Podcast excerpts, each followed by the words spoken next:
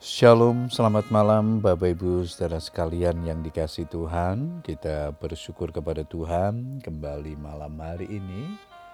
Kita berkesempatan untuk datang berdoa kepada Tuhan.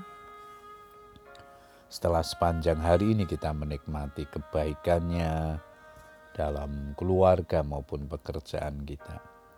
Malam hari ini sebelum kita beristirahat, kita akan datang kepada Tuhan, namun sebelum berdoa, saya akan membagikan firman Tuhan yang diberikan tema Jaminan Roh Kudus.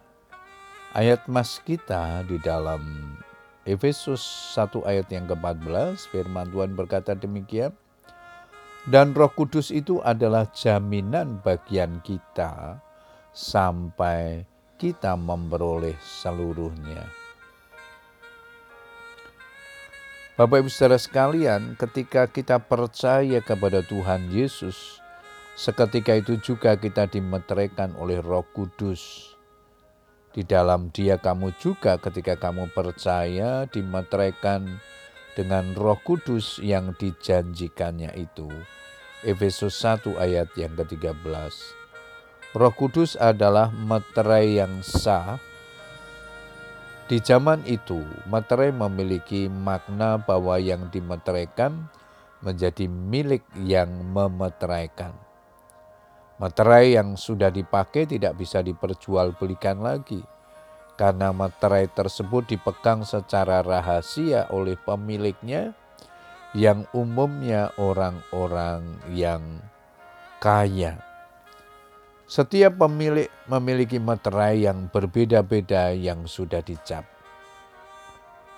Materai Roh Kudus juga sebagai tanda bahwa kita menjadi milik Tuhan sepenuhnya. Dan karena kita adalah milik Tuhan, maka kita akan dijaga, dipelihara, dan dilindungi Tuhan seperti biji matanya sendiri. Sebab siapa yang menjamah kamu, berarti menjamah biji matanya. Zakaria 2 ayat yang ke-8. Dimeteraikan roh kudus artinya sudah tuntas, tidak dikoreksi lagi, apalagi sampai dibatalkan. Sebab di dalam Kristus segala janji Allah adalah ya dan amin. Karena kita telah dimeteraikan oleh rohnya, kita pun memiliki tanggung jawab besar di hadapan Tuhan tidak bisa lagi hidup sembrono, sebaliknya harus berusaha hidup berkenan kepada Tuhan dan semakin memiliki kepakaan rohani. Mempunyai panca indera yang terlatih untuk membedakan yang baik daripada yang jahat.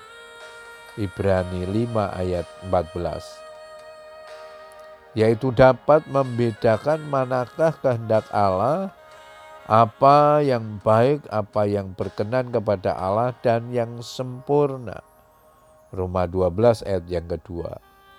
Kalau Roh Kudus menjadi jaminan kita, ini merupakan satu keterikatan untuk kita mendapatkan keseluruhannya. Karena ia memeteraikan kita bukan untuk kurun waktu tertentu, tetapi seumur hidup jadi Roh Kudus akan terus berkarya di dalam kita sampai kita memperoleh seluruhnya. Adakah jaminan hidup yang lebih besar dari semuanya itu? Sebab itu janganlah kamu melepaskan kepercayaanmu karena besar upah yang menantinya. Puji Tuhan Bapak Ibu Saudara sekalian, ialah kebenaran firman Tuhan yang kita baca dan renungkan malam hari ini menolong kita untuk terus memahami status kita sebagai orang-orang percaya yang sudah dimeteraikan Roh Kudus. Artinya hidup kita dijamin, dipelihara olehnya. Puji Tuhan. Selamat berdoa dengan keluarga kita. Tetap semangat berdoa. Tuhan Yesus memberkati. Amin.